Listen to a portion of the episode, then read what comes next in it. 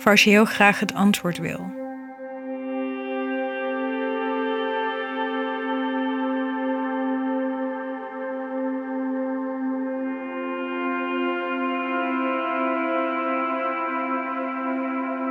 Niks is zo moeilijk om te doen als niks doen.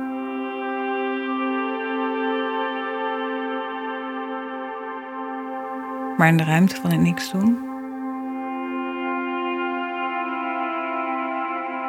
weet je vaak opeens wat je moet doen.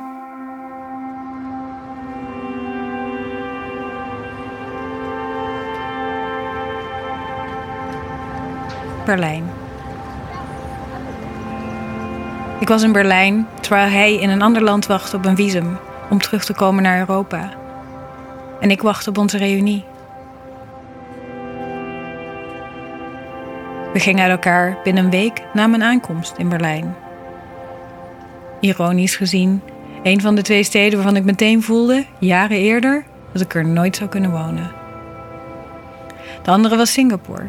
Die had ik al aangevinkt toen ik hem daar volgde. Het was alsof ik een tegenovergestelde bucketlist aan het afvinken was. Om te bewijzen dat ik er inderdaad niet zou kunnen wonen. Ik was op zoek naar een huis waar ik me een paar maanden kon settelen en me thuis zou kunnen voelen. Zoeken naar huizen maakt me ongelukkig en rusteloos. Dus ik besloot op een gegeven moment dat het huis mij zou vinden. Wat mooi klinkt, maar ik heb graag controle.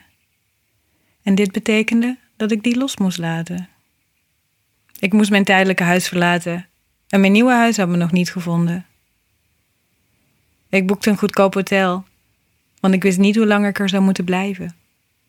Toen ik over de drempel van het donkere, zieloze hotel stapte, voelde ik ook mijn eigen ziel wat dieper wegzinken. Laat me duidelijk zijn, wanneer ik dit deel, realiseer ik me dat ik een verwend, bevoorrecht mens ben. Zelfs in grote steden als Berlijn zijn er zoveel mensen die niet het comfort van vier veilige muren, een warm bed en eten hebben. Of gewoon veiligheid. Laat staan de miljarden mensen die niet eens schoon water kunnen drinken. Voor wie mijn versie van de hel de hemel zou zijn. Dat het een privilege is om überhaupt niet alleen deze verhalen te kunnen leven, maar ook te kunnen schrijven en delen. Om bezig te zijn met heling, hartzeer en al het andere dat ons mens maakt. Maar nu eerst terug naar de ik die vooral met haar eigen wanhoop bezig was. In Berlijn.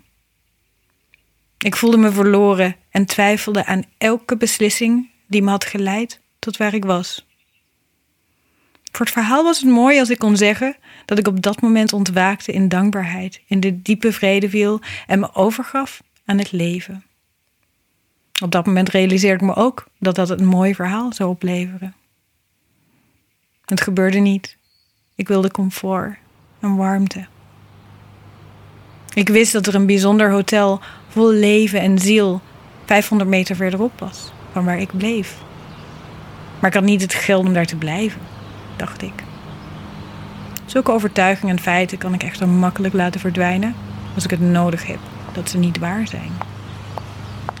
Dus sleepte ik mijn koffer met daarin mijn leven over straat, als de nomade die ik nooit wilde zijn. Ik struikelde over de drempel van het hotel. De warmste glimlach omhelste me. Soms kun je zelfs even thuiskomen in de glimlach van een ander. Ik boekte voor een week. Ik kwam mijn kamer binnen en het eerste wat ik zag was een boek, prominent op het bureau. Byron Katie's boek Loving What Is. Het boek dat ik aan het lezen was en vergeten mee te nemen van de laatste plek waar ik in Nederland verbleef. En waarvoor de eigenaar van het huis me nog had bedankt voor het boek. Dus ik liet het maar zo. Maar het had me teruggevonden. Ik opende het boek en het eerste wat ik las, in grote letters. Je hoeft alleen maar thuis te komen bij jezelf. Ik glimlachte. Een paar dagen later moest ik een ja of nee beslissen over een appartement waar ik een paar maanden zou kunnen blijven. Ik had de beslissing uitgesteld. Het was het laatste huis op mijn lijst met opties. De laatste die ik ging bekijken voordat ik besloot te stoppen met zoeken en het mij te laten vinden. Het huis was prima. De huurders waren aardig. Er was een stem van Benny die zei dat ik me over mezelf heen moest zetten. De mannelijke stem in me die zei dat ik gewoon even logisch moest handelen. Er was ook nog een zachtere, maar sterkere stem. Een stem die iets beters wilde toelaten. Een stem die wist dat ik dat moest doen. Ik besloot die stem te volgen. Het voelde een beetje naïef, maar tegelijkertijd krachtig. Ik ging op, stuurde een bericht om het appartement af te wijzen en ging in de hotellounge zitten voor het ontbijt. Een vriendelijke, iets oudere heer zat naast me en we raakten in gesprek. Ik vertelde hem dat ik op zoek was naar een huis. Hij vertelde mij dat hij in de filmindustrie werkte en voor een paar maanden naar Berlijn zou verhuizen voor zijn werk.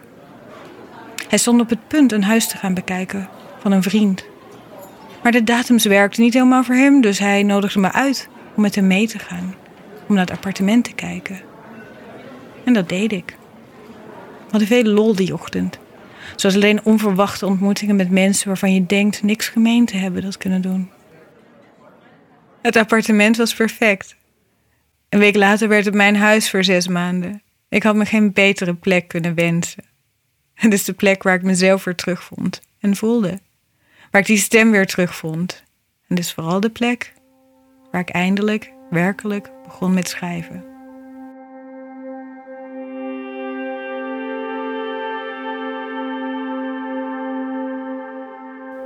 Als je merkt een antwoord te willen, te willen weten, erover nadenkt, opnieuw en opnieuw en nog een beetje meer, dan zul je waarschijnlijk het antwoord niet vinden door nog meer over na te denken.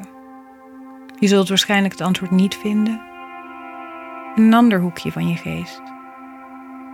Je kunt stoppen met zoeken naar het antwoord, want het zal komen en zich laten zien wanneer het klaar is om gehoord te worden, wanneer het klaar is om beluisterd te worden.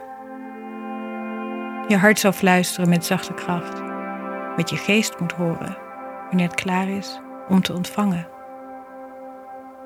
Vertrouw erop dat wanneer je het antwoord moet weten, je het zal weten, wat het ook is. Probeer niet het antwoord te vinden. Laat het jou vinden. Stop met zoeken. Het zal komen en zich laten zien. Wanneer het klaar is om gehoord te worden. Wanneer het klaar is om naar geluisterd te worden.